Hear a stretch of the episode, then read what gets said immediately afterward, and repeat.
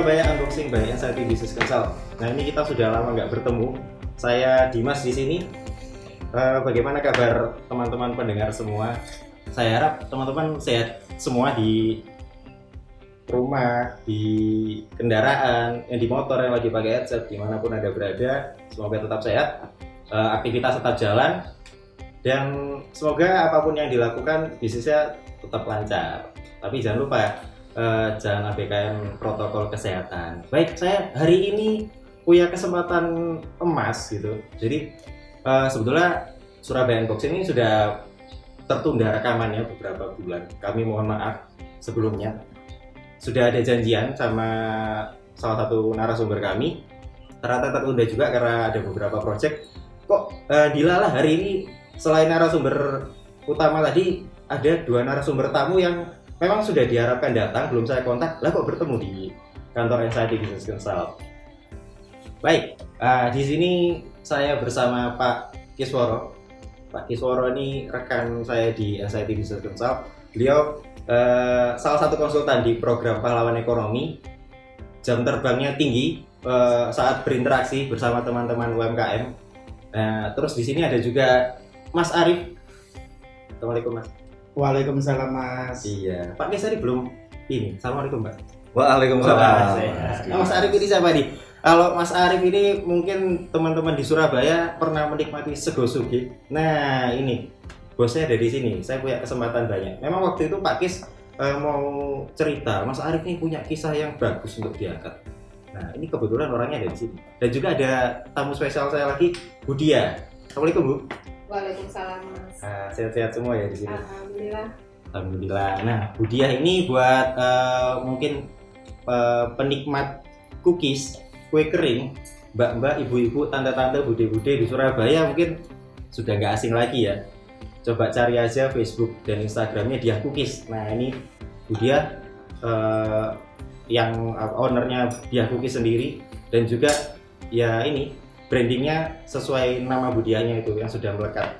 Mungkin juga sudah pernah tahu tentang Budia dan Mas Arif di YouTube dan Instagram dan mereka berdua cukup eksis gitu kan. Hari ini eh, kami mau ngobrol apa ya? Pak Kis, ingat nggak kira-kira kita mau ngobrol apa? Iya.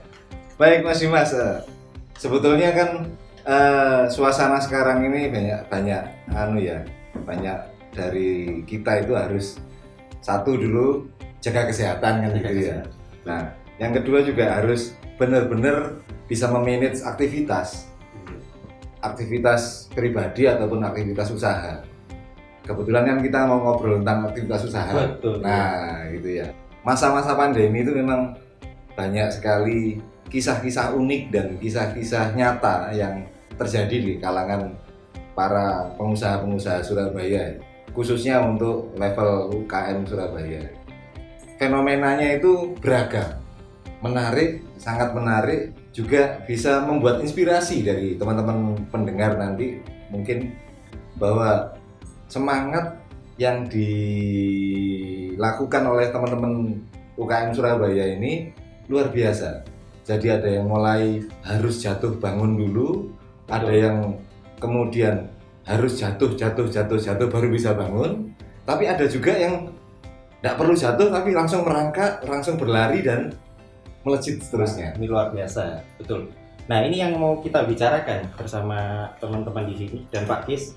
Seperti yang Pak Kis bilang, ini sebetulnya topik yang sudah kami bicarakan tiga minggu lalu dan akhirnya kami eh, mendeklarasikan episode ini akan mengangkat eh, bagaimana sih eh, saat para UKM atau khususnya beberapa UMKM di Surabaya ini mengaktifkan mode survival pada bisnisnya. Nah, anggaplah kita kalau eh, kita adalah HP kan ada mode silent, mode getar. Nah, ini kita mengaktifkan mode survival. Tapi apakah mode survival ini hanya dilakukan di beberapa minggu atau sebulan setelah pasca COVID masuk Surabaya? Apa masih berlanjut? Nah ini yang akan kita ulik di sini Pak Kis ya, betul ya? Ya, betul Mas Dimas. Jadi kalau kita semua sama-sama tahu ya, jadi pandemi ini masuk di Indonesia sekitar akhir Februari atau awal Maret kan Iya. gitu ya. Itu di Jakarta dulu Pak ya? Betul Jakarta dulu terus kemudian merembet sampai ke Surabaya, Jawa Timur segala macam.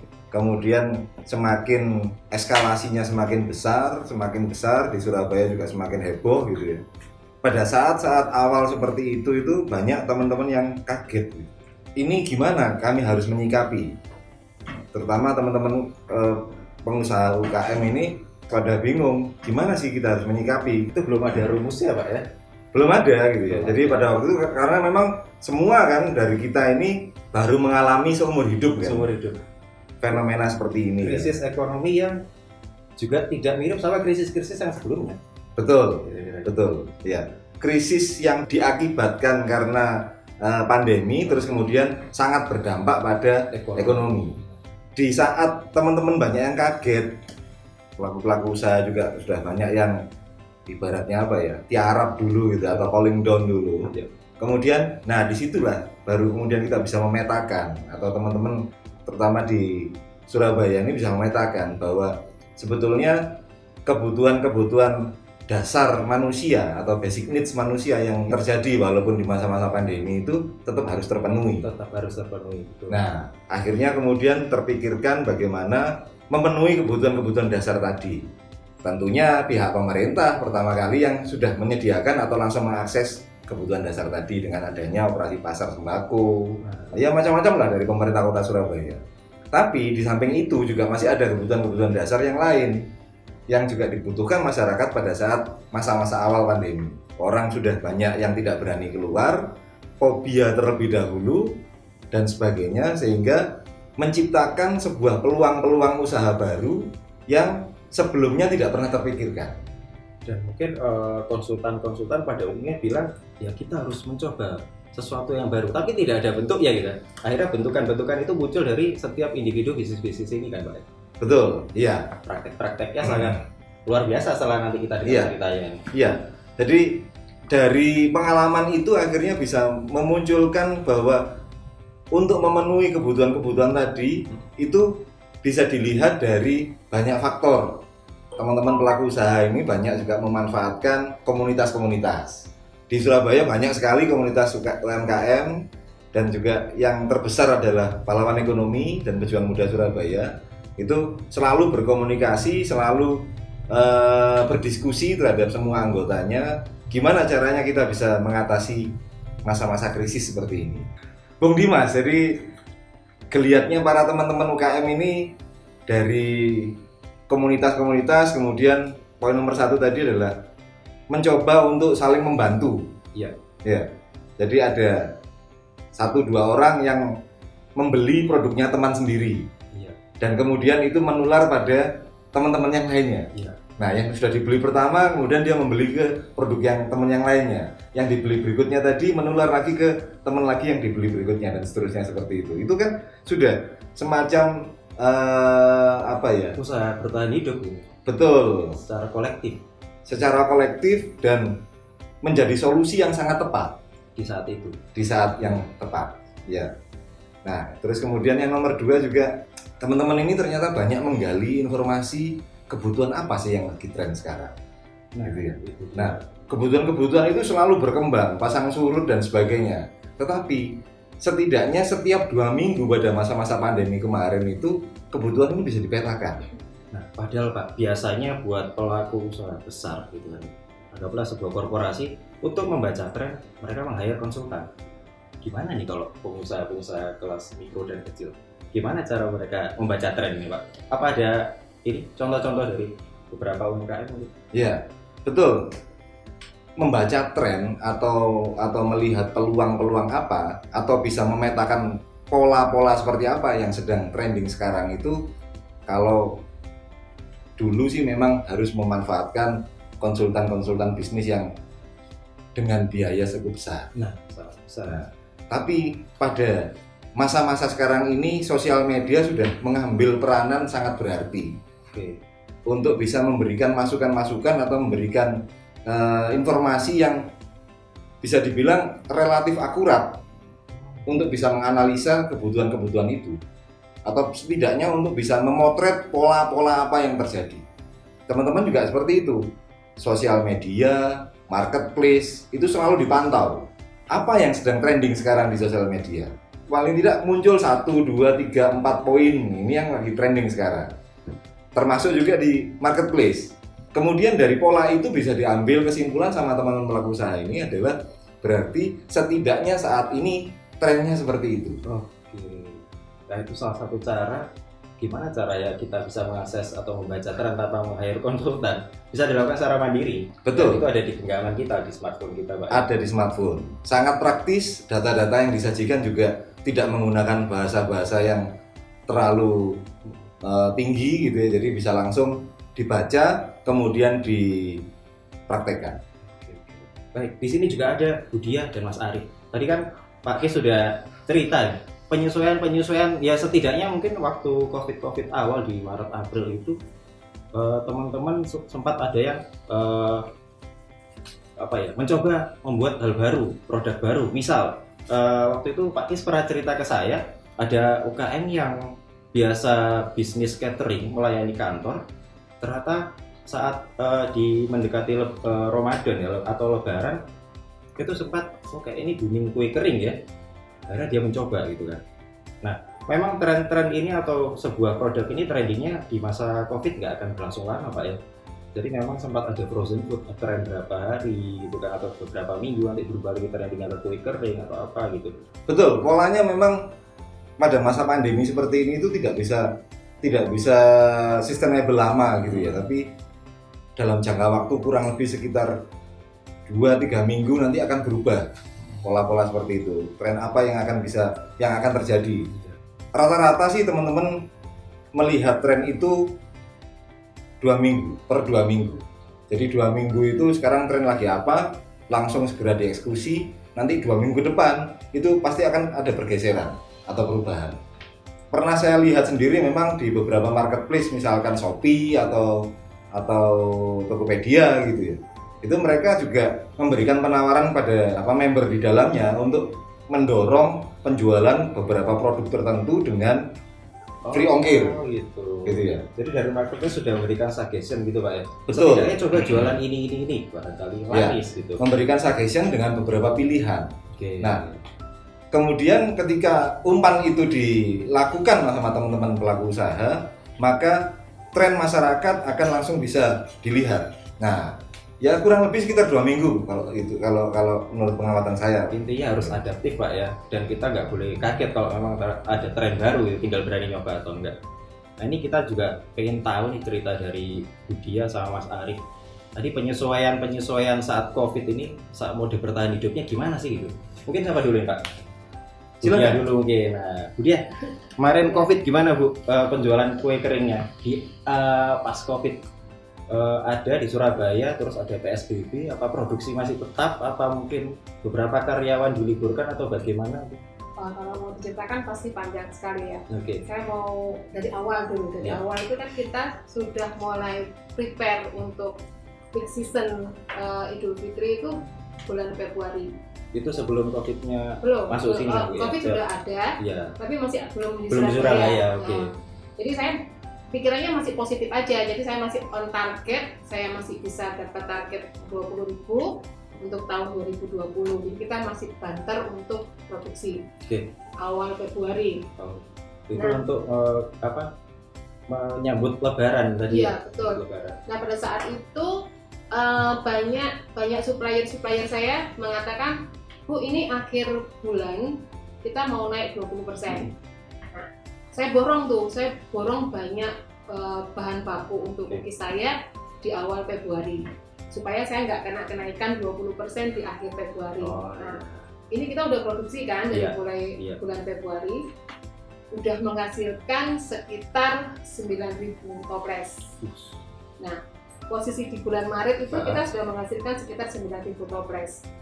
Maret kan Covid udah mulai ramai tuh Nah, di itu Surabaya ya. Wah itu itu saya betul-betul kayak orang bingung gitu, kayak orang linglung. Saya mesti ngapain ini? ibu cerita saya nggak ngelakoni aja kebayang bingung ya Ya, saya benar-benar bingung. Saya sampai bertanya dengan beberapa orang dan semuanya jawabannya itu tidak memuaskan saya terus terang aja karena mereka juga tidak tahu harus bagaimana gitu kan. Nah, itu itu cukup cukup membuat saya saya apa ya eh, kalut gitu kan.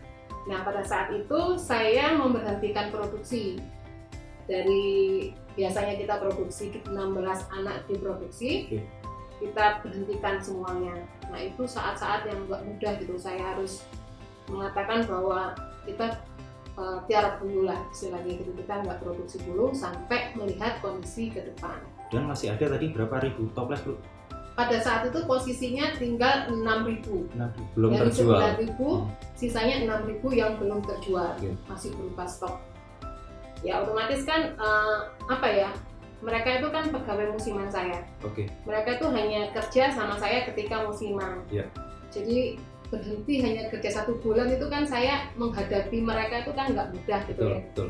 Mereka ada yang menangis mereka ada kok nggak diterusin sih mbak? Saya kan juga takut resiko kalau saya harus meneruskan produksi di tengah kondisi yang nggak Iya. pasti. Jadi saya harus memilih untuk main aman aja lah. Kita berhenti produksi sambil melihat kondisi ke depan seperti apa. Nah akhirnya setelah saya berhenti produksi saya fokusnya menghabiskan stok saya yang 6000 toples itu tadi. Hmm. Tanpa produksi, fokus ke menghabiskan stok. Ya, Oke. nah admin tetap bekerja. Iya.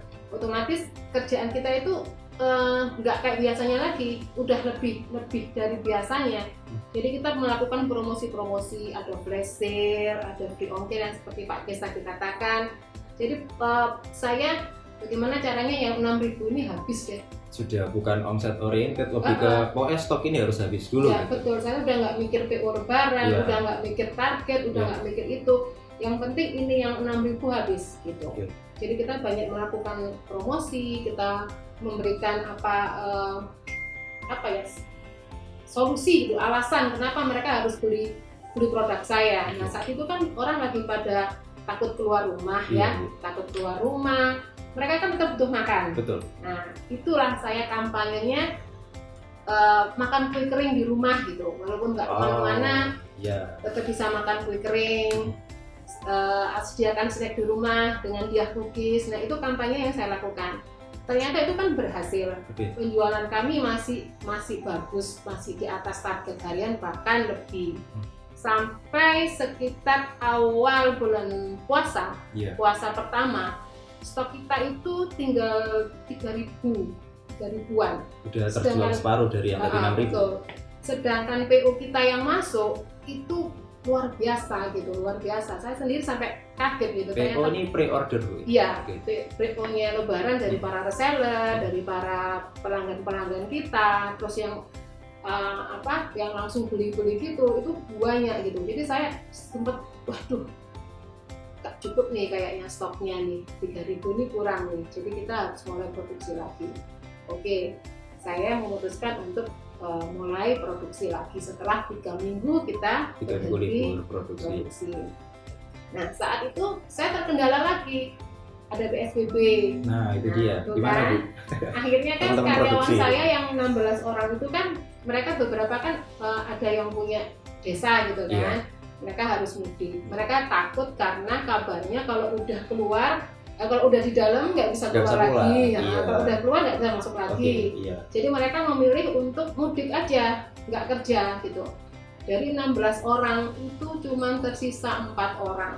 Hmm, Jadi untuk kerjakan pre-order tadi Bu ya. Nah, gitu kan. Jadi benar-benar COVID ini saya tuh mengalami apa ya up and down-nya tuh luar biasa gitu saya ngalaminya.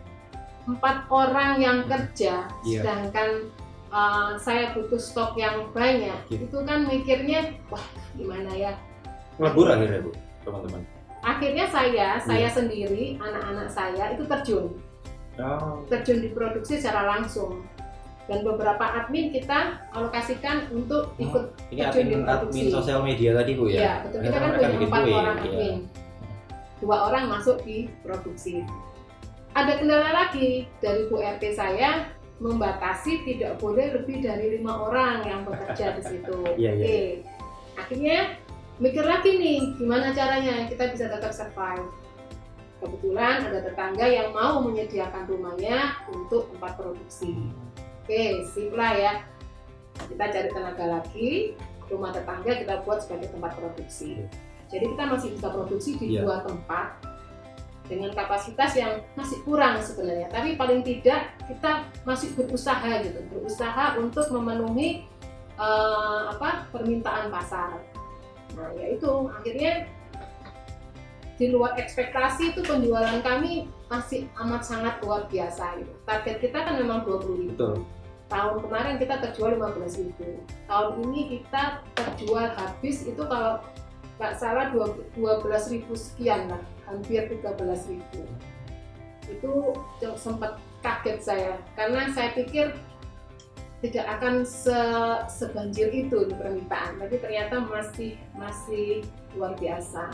Padahal ekonom lihat eh, COVID ini menumbangkan ekonomi setidaknya turun bisa sampai 70-80 persen.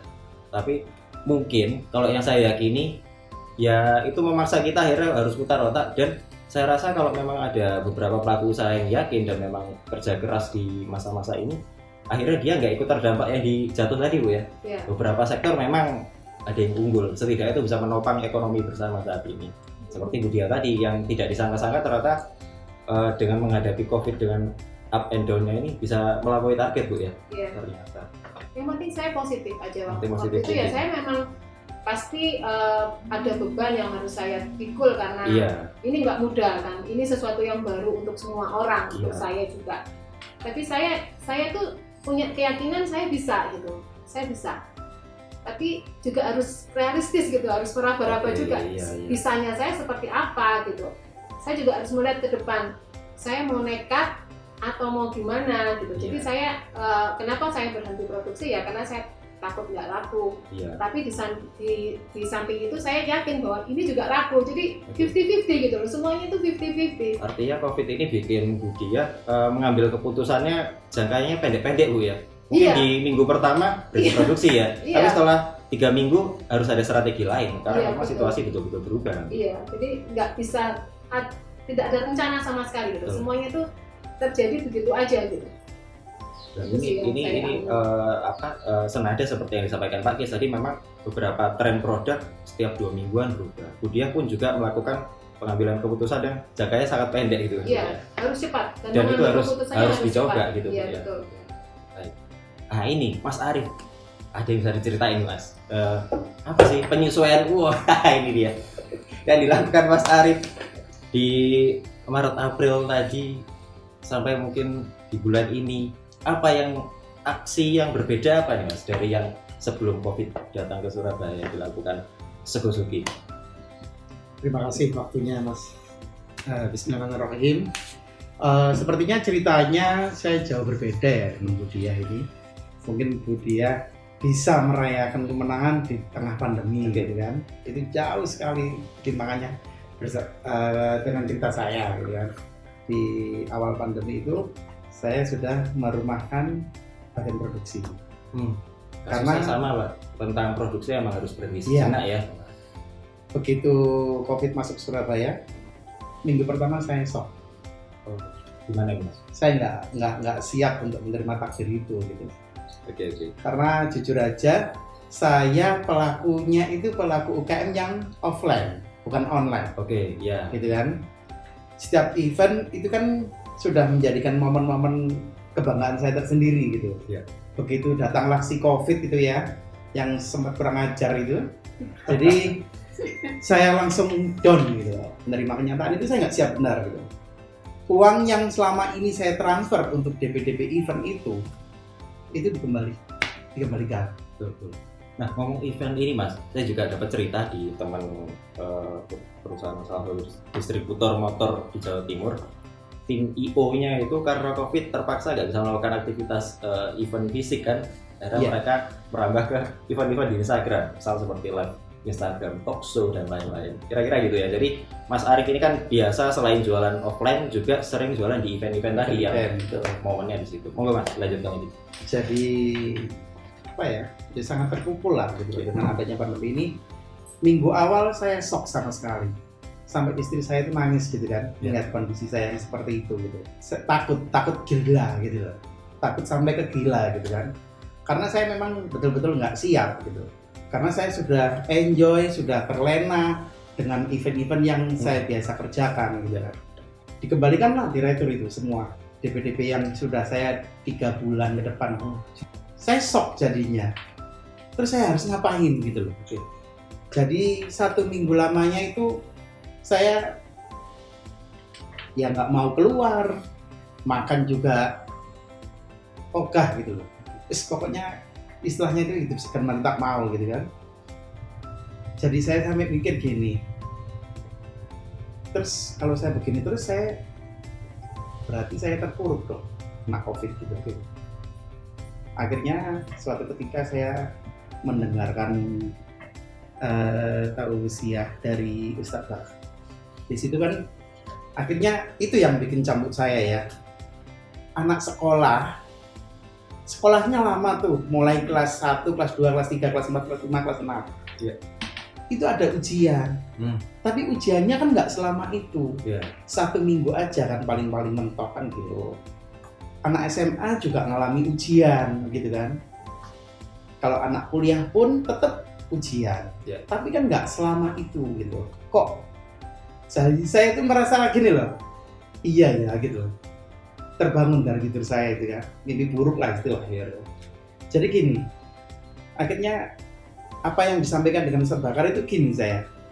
Ya oh iya ya saya sudah berburuk sangka kepada gitu di situlah saya sudah mulai merangkak gitu ya bangun. Dan untuk bergegas action saya harus berdamai sepertinya dengan pandemi gitu yang tadinya saya nggak terima gitu kan akhirnya saya ya sudahlah saya pasrah sama Allah gitu loh kalau ini memang takdir yang di- eh, diberikan kepada saya itu saya terima gitu. dengan saya melakukan action membuat menu-menu yang nggak pernah saya bikin sama sekali Hmm. Contohnya mas? jadi awalnya saya mungkin punya produk sebasoge gitu ya dari makanan rice bowl yang kekinian akhirnya saya tiga hari saya setiap malam itu nggak pernah tidur Ngulik resep? yes Wah.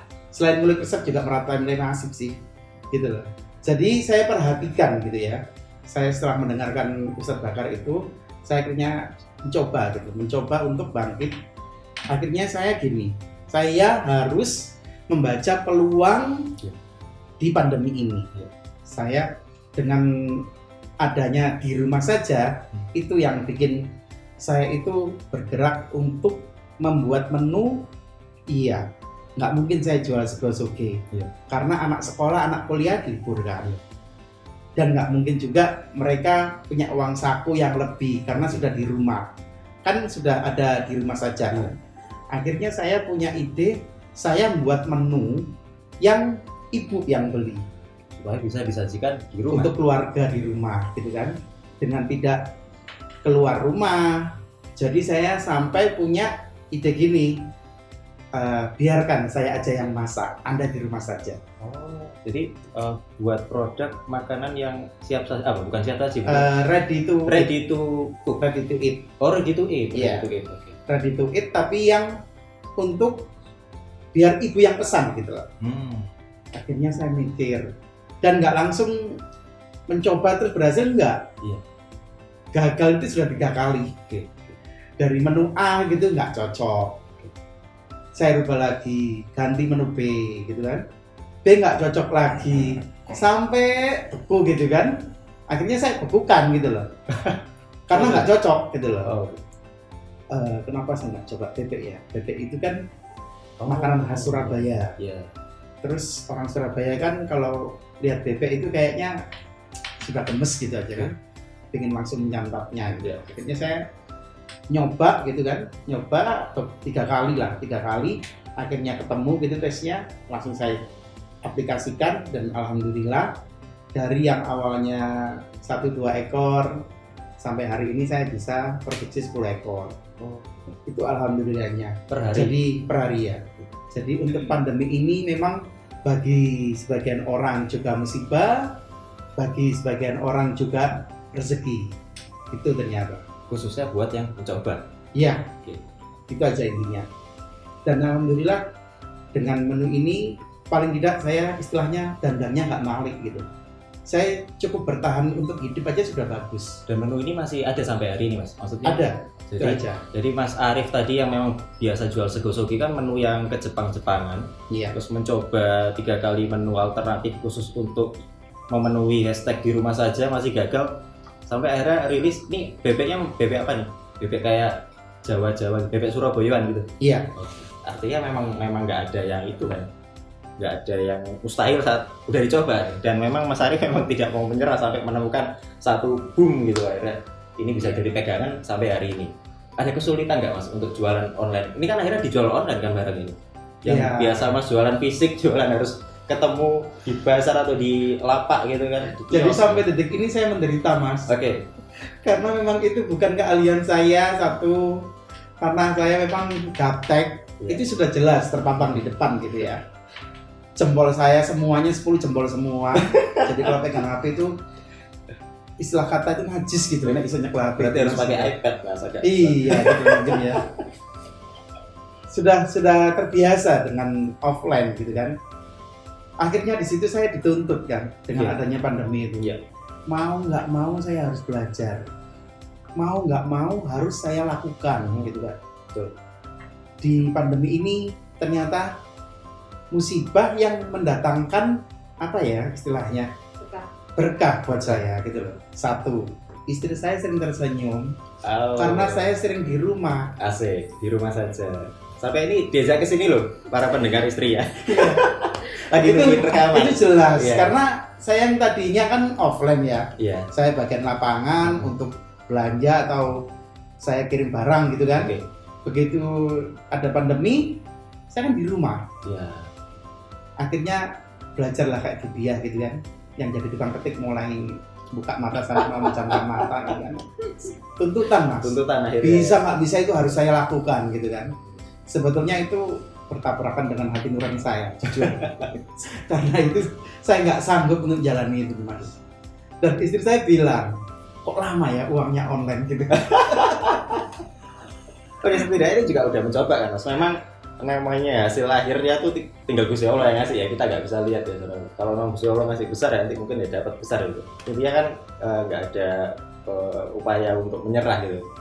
Tidak ada upaya untuk menyerah nah ini ironis sekali kata-kata betul betul Jadi kita, kita tadi udah dapat cerita yang menarik. Jadi Bu Dia memang eh, sejak awal produknya memang sudah online Bu ya. Iya. Memang dijual di online sudah mungkin Bu Dia eh, salah satu keunggulannya di pandemi ini sudah terbiasa jualan online. Ya memang mau nggak mau eh, online ini eh, jualan lewat daring ini solusi solusi sekarang gitu kan. Saat kita tidak bisa keluar rumah bertatap muka secara fisik ya itu salah satu solusi. Setidaknya Bu Dia sudah sudah terbiasa di sana jadi tinggal eh, fokus ke produksinya tadi bu ya, dengan eh, terpaksa menentukan keputusan yang sangat singkat-singkat di setiap dua mingguan yang harus berubah.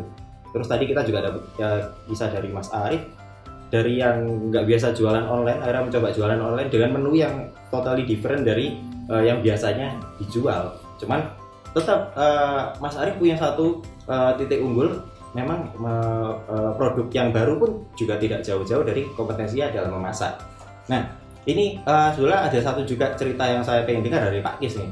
Eh, ini kan Pak, ngomong-ngomong tentang jualan offline, eh, ada ada mungkin salah satu eh, kategori pengusaha UMKM tuh kok tadi Budia dan Mas Arif termasuk pengusaha yang tidak punya investasi tempat nih Pak. Sedangkan kita juga tahu di teman-teman UMKM lain tuh ada yang mungkin jualannya kedai, kedai yang dine in yang memang dinikmati di kedai atau di warung, warung kopi, warung makan atau mungkin yang punya kios-kios eh, jualan handicraft atau baju fashion di mall di mana itu eh, Pak Nis ada cerita nggak gimana sih mereka mengantisipasi sewa-sewa tempat ini yang akhirnya nggak digunakan tapi tetap harus bayar sewa kan Pak ya? Bung Dimas, jadi di masa pandemi seperti ini memang kita dituntut untuk pinter-pinter efisiensi. Nah, iya. Jadi termasuk perencanaan keuangan dalam masa pandemi, setidaknya kita harus bisa menghitung dua atau tiga bulan ke depan efisiensi apa yang harus kita lakukan. Nah, termasuk pelaku-pelaku usaha UKM di Surabaya ini untuk yang memang mereka sudah punya gerai atau Gerai, outlet iya, gitu iya. ya. Dengan sangat terpaksa memang harus melakukan efisiensi pada sektor itu. Jadi mungkin nutup tokonya atau mungkin nutup gerainya sehingga satu bisa menghemat biaya sewa. Walaupun tidak 100% tapi paling tidak bisa menghemat. Kedua juga bisa menghemat eh, tenaga kerja. Ya, tenaga kerja tidak tidak perlu semuanya terus kemudian bisa ditarik ke rumah dan sebagainya mungkin seperti itu suasana atau kondisi seperti ini ya orang tidak boleh keluar atau tidak mau keluar demikian juga kita sebagai produsen tidak bisa enak untuk pulaan barang dan lain sebagainya Iya. gitu ya. Pada eh, pada titik itu akhirnya ya semua pasti akan memanfaatkan online. Saya pernah sampaikan ke teman-teman bahwa online itu tidak hanya cukup atau tidak hanya alat untuk kita berjualan tetapi online itu bisa menghasilkan jaringan Oke. jaringan yang di depan dan jaringan yang tidak kalah penting adalah jaringan di belakang. Kita bisa dapat supplier, kita bisa dapat agen, Oke. kita bisa dapat apalah gitu ya, yang terkait dengan bahan baku, eh, yang terkait dengan tenaga kerja, itu bisa kita dapatkan juga dari online. Saya ingin nambahin satu lagi yang Dimas ya. Kalau Budia, Mas Ari, itu tadi dari sektor makanan gitu ya eh, dari sektor usaha yang bergerak di bidang makanan gitu. Tapi ada juga teman-teman yang di sektor selain makanan. Mereka juga melakukan transformasi transformasinya yang juga sangat sangat apa ya drastis gitu ya. Yang paling gampang saja itu kalau misalkan dulu sebuah masker adalah hanya sebatas sebagai alat penutup mulut atau hidung kan Iya. gitu ya. Nah, kemudian dengan adanya pandemi yang sudah memanjang ini Iya. sudah kurang lebih dua bulan tiga bulan lebih ini akhirnya ada transformasi bahwa produk masker tidak hanya sekedar sebagai alat menutup mulut dan hidung tetapi sebagai masker fashion Oh, Nah, ini kan menarik gitu kan ya. Iya. Betul. masker fashion ada hiasan rendanya ada hiasan brosnya bordir dan sebagainya Kayak Barcelona tuh sekarang juga ngerilis produk merchandise masker dijual kalau dirupiahkan mungkin jatuh eh, harga 300 ribuan. per maskernya nah itu kan potensi itu Potensi. sebetulnya gitu ya jadi dan ada juga gitu ya masker yang sekarang dilengkapi dengan uh, inisial namanya pemilik masker tersebut Oh, gitu nah, itu kan ketukar sama teman kantor. Betul setidaknya kalau misalkan jatuh itu Iya. nah, Dia ada yang balikin gitu. ada yang kembalikan gitu ya gitu nah hal itu juga akan terjadi pada pada jenis-jenis produk yang lain pemerintah sudah mengencarkan protokol kesehatan selalu kemudian kita sebagai manusia yang selalu berevolusi gitu. Revolusi. maka dia kita akan selalu menemukan solusinya gimana gitu. mungkin fashionnya nanti akan jauh lebih eh, memenuhi standar kesehatan gitu. atau mungkin juga produk-produk kerajinan yang lain gitu ya jadi pasti akan ada peluang-peluang baru ada inovasi-inovasi baru yang dihasilkan sama pelaku-pelaku usaha ini. Jadi memang eh, ini kita dapat satu poin penting ya. Memang pandemi ini akhirnya membuat kita semua para pelaku usaha betul-betul berpikir keras untuk bertahan hidup dengan berbagai cara yang masing-masing. Walaupun nanti hasilnya ada yang belum bagus. Nah, ada juga yang mau eh, apa? Saya tambahkan. Ini eh, hasil diskusi juga sama salah satu rekan saya di Anxiety yang juga sempat eh, yang juga saat ini terjun ke dunia investasi. Jadi memang ternyata eh, beberapa bisnis itu memang ya terpukul. Kami kami juga melihat fakta data di mana pun umumnya sektor-sektor industri ini terpukul. Walaupun ada beberapa sektor yang eh, bisa bertahan dan mungkin eh, bu- bukan bukan dia mencari untung dari pandemi, tapi situasi membuat mereka untung dan itu menopang ekonomi. Misalnya sektor kesehatan, sektor farmasi, kira-kira gitu, dan sektor teknologi, para provider eh, teknologi, jaringan internet seperti itu sementara ini bisa menopang kita dan eh, di eh, prediksinya di kuartal selanjutnya ini mungkin pertumbuhan ekonomi juga diprediksi akan turun Bu. Eh, cuman artinya situasi prediksi ekonomi yang bilang turun nanti eh, di kisaran angka minus 3% tadi kan harusnya tidak membuat kita jadi menyerah kan artinya wah berarti kita harus lebih bangkit lagi supaya nanti eh, kuartal ketiga kita bisa naik lagi dan mungkin di eh, end of year ini kita sama-sama bisa bangkit bersama menyambut 2021 yang katanya ekonom bilang di 2021 harusnya Indonesia ekonominya bisa melonjak hampir 8%. Ini artinya eh, harapannya jangan semoga angka tapi kita upayakan bersama. Nah, terus juga eh, eh, beberapa perusahaan-perusahaan besar itu yang tidak terlalu terpukul umumnya adalah perusahaan yang apa ya kira-kira mereka punya sebuah dana darurat Jadi segala usahanya itu profitnya tidak langsung diputar dan dihabiskan kembali, tapi memang diinvestasikan untuk tabungan darurat yang setidaknya selama pandemi setahun ke depan ini bisa menopang usaha itu. Nah mungkin itu juga yang mungkin belum banyak diaplikasikan ke pengusaha eh, mikro dan kecil. Mungkin ini eh, momen yang tepat supaya kita bisa lebih melek eh, financial management kira-kira gitu. Jadi profit jangan apa dihabiskan untuk diputar semua sisihkan juga untuk yang namanya dana darurat itu tadi ya. Pak Kis mungkin ada tambahan atau Budia sama Mas eh, Arif? Saya sih sedikit saja gitu. Eh, artinya pada pada masa-masa pemulihan krisis seperti sekarang ya tetap saja yang pertama adalah selalu positif, kemudian buka mata, buka telinga, tangkap peluang dan segera eksekusi tapi terukur. Ah, Gitu aja. ya, kalau Budia. Budia, Mas Arif ada tambahan mungkin? Iya setuju memang apa yang dikatakan Pak Oke. Kis kan saya juga sedang melakukan itu kan Ehm, dari hasil yang lebaran kemarin itu kan kita udah bagi untuk dana lagi modal lagi itu udah udah di apa diatur sedemikian rupa supaya kita bisa tetap survive terus akan ada rencana-rencana ke depannya eh, misalnya menjual produk saya lebih lebih apa dengan ukuran yang lebih kecil Wah. karena mungkin bisa dikatakan daya beli masyarakat akan sedikit berkurang. Oke, oke. Nah, dengan me- mengeluarkan produk yang ukurannya lebih kecil, otomatis kan harga akan lebih murah. Oke. Nah, itu itu bisa menjadi peluang untuk kami. Jadi apa pun itu, saya tetap akan berjualan kue kering Oke.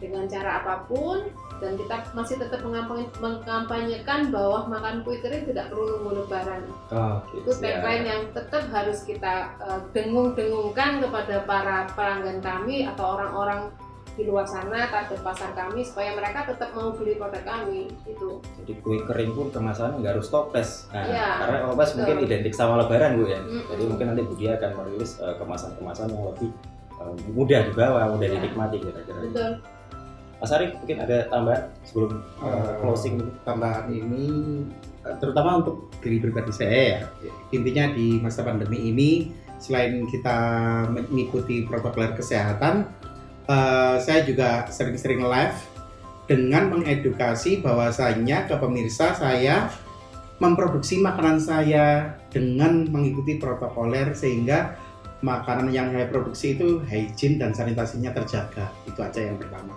Untuk nextnya mungkin saya punya menu baru tetap masih bebek bebek dan kawan-kawan ya Yang Tapi- ready to eat tadi ya, bisa Ready to dinikmati eat. di rumah tadi. Eh, karena nggak semua orang itu bisa makan bebek karena takut kolesterol Oh, insya Allah next project saya pingin menciptakan bebek yang low kolesterol Nah, akhirnya selalu ada inovasi-inovasi tadi mas saya. Ya.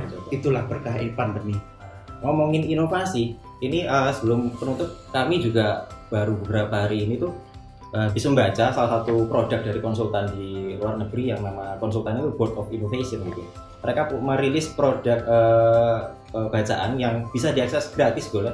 Nanti mungkin teman-teman bisa browsing eh, Board of Innovation itu. Mereka merilis namanya Low Touch Economy. Nah, di situ memang eh, karena mereka konsultan inovasi yang saya juga cukup sepakat sih apa yang mereka usung ini. Apalagi di masa pandemi mereka tuh selalu memancing pembacanya untuk terus melakukan inovasi. Mereka memberikan contoh-contoh beberapa teknologi-teknologi gitu yang eh, ternyata muncul kepikiran eh, gara-gara pandemi ini. Misal tentang tameng wajah ya face shield itu ada yang nanti lebih fashionable. Kayak pub-pub eh, apa itu kalau diskotik gitu kita nggak perlu visit lagi mereka nampilkan di bukunya tuh lucu juga sih. Jadi bisa drive thru gitu. Drive thru ya. Ya nggak apa-apa. Artinya mereka memancing kita untuk oh, berinovasi. Dan salah satu poin penting di low touch ekonomi yang disampaikan situ intinya concern inovasinya ke depan apalagi pandemi itu eh, buat teman-teman usaha pengusaha semua apa pun produknya selalu pikirkan aspek bahwa pandemi ini memang kita eh, yang pertama dituntut untuk lebih aware terhadap higienitas gitu, nah, kesehatan Terus yang kedua, sekarang juga gimana caranya inovasi itu juga menunjang keputusan pemerintah untuk tetap melakukan limited large gathering gitu kita kira.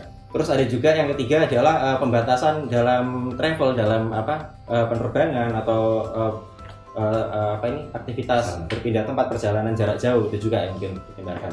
Bahwa eh, kita harus memahami bahwa sekarang ekonomi lagi terpuruk, nggak bisa dipungkiri sekarang terjadi unemployment massal atau PHK besar-besaran gitu kan ya juga terjadi sekarang eh, apa ini kebangkrutan massal di beberapa sektor. Nah, itu juga semoga eh, beberapa pertimbangan itu itu bisa memunculkan ide-ide baru buat para teman-teman pengusaha apa pun produknya, apa pun nanti kalau mau bikin produk baru supaya kita bisa berkompromi sama situasi-situasi yang tadi disampaikan di buku letak ekonomi tadi sih. Baik, eh, ini terima kasih buat Mas Arif, Sama-sama Mas waktunya. terima kasih Sama-sama, Widya sehat selalu dan saya dan Pak Kis mau pamit undur diri. Semoga acara ini cukup bermanfaat, menginspirasi teman-teman yang lagi di rumah, lagi di mobil, lagi di motor pakai headset, di mana pun mendengarkan eh, acara on demand kami. Eh, sampai jumpa di episode Surabaya Unboxing selanjutnya. Assalamualaikum warahmatullahi wabarakatuh. Waalaikumsalam.